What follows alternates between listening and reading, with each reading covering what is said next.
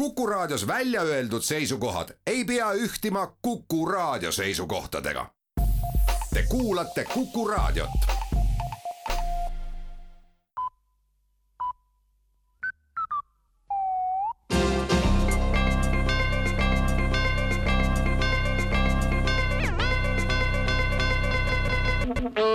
tere kuulama uudiseid stuudios Rohke Develak valitsus tutvustas eile mahukat uuringut, millest tuleb välja, et ainult viis protsenti valitsusest on ettevõtjatega rahul. siin on ettevõtjate jaoks nüüd mõtlemise koht, märkis peaminister uuringut kommenteerides. üheksakümne viiel protsendil ettevõtjatest tasuks oma seisukohad ja tegevus üle vaadata, sest valitsus on kaua pidanud kuulama mitmesuguseid etteheiteid küll ei olda rahul maksusüsteemiga või liigse bürokraatiaga või energiatoetusmeetmetega. valitsus kaalub ettevõtjatele abikäe ulatada ja kehtestada maksusoodustusi nendele ettevõtetele, kes valitsusega rahul on samas aga konstruktiivse õhkkonna loomiseks kehtestada uusi makse rahulolematutele, et saavutada lõpuks harmooniline töömeeleolu.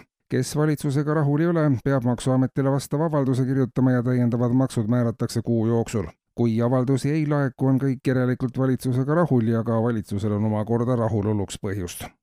politsei aga pidas täna hommikul Põlvamaal Karukuljuse lasteaias kinni asutuse juhataja, kes oli enda ja riigi rahakoti segi ajanud. pikem juurdlus seisab alles ees, kuid juba kogutud faktide põhjal on teada, et lasteaia juhataja ajas isikliku ja riigi rahakoti segi regulaarselt ainuüksi viimase kuu jooksul juhtus korduvalt, kui juhataja ostis oma raha eest tualettpaberit, kahel korral joonistuspaberit, neljal korral seinavärvi, enam kui kümnel korral aga maksis oma rahakotist kinni lastele mõeldud teatrietenduste piletid. politsei sõnul ajavad oma ja riigi rahakoti segi lisaks lasteaiatöötajatele ja õpetajatele ka paljud päästjad ja politseinikud ja veel paljude elualade esindajad ning olukord ei näita mingisugust paranemise märke paljud poliitikud on sunnitud tõdema, et ei suuda protsessist aru saada ja seetõttu pole seni ka midagi suudetud ette võtta.